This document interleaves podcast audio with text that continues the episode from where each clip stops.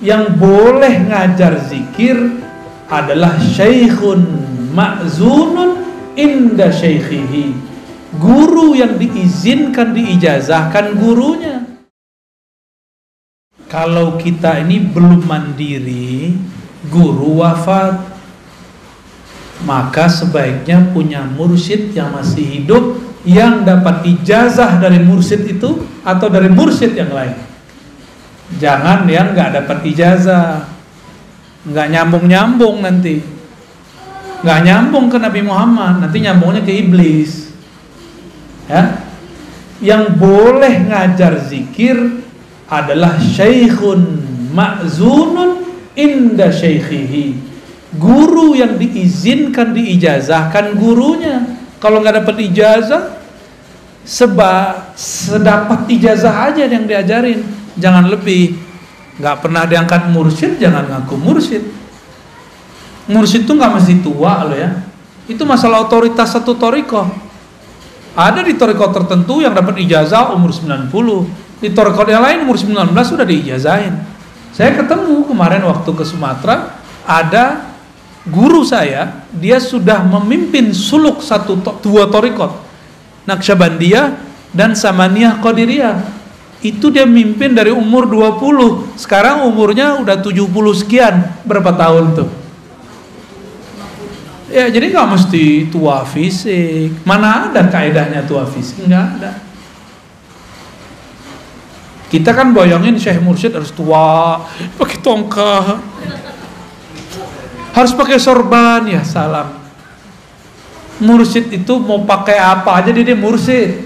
Mau mereka baju kaos dia mursyid Orang nggak akan bisa luput karena ada mutiara di kolbunya. Sekali dia berbicara, keharuman rohaninya tercium oleh orang yang mencari rohani. Gak bisa dibohongin. Rumah makan, masak, udah ditutup, cium, kecium baunya nggak? Ya, kecium baunya. Sama kira-kira, ya. Jadi saran saya teh, kalau belum disiplin untuk zikir yang diajarkan guru, maka bermursyidkanlah kepada yang hidup dan dapat izin dari gurunya. Gitu ya. Kalau enggak, nanti enggak nambah-nambah. Makomnya segitu-gitu aja. Karena zikir itu enggak ada batas. Zikir itu di atas makom ada makom, di atas makom ada makom. Zikir la ilaha illallah ada ribuan tekniknya. Yang diajarin kan baru satu baru dari besar ke bunuh-bunuh nah, itu mah satu belum banyak itu. Banyak tekniknya ya. Saya ngamalin sudah hampir seratusan lebih teknik itu. Baik yang langsung diajarkan beliau-beliau ataupun yang ya, secara rohani. Adalah berapa ratus teknik la ilaha doang mau ditarik ke mana aja nikmat zikir la ilaha Allah itu. Nikmat sekali. Ya. Jadi jangan mengkultuskan seorang guru. Di atas guru ada guru di atas wali ada wali. Di atas nabi ada nabi di atas rasul ada rasul. Puncaknya Rasulullah Shallallahu Alaihi Wasallam. Torikot itu yang hebat bukan namanya tapi mursyidnya ya? Oh torikot A lebih bagus. Enggak. Yang bagus tuh mursyidnya.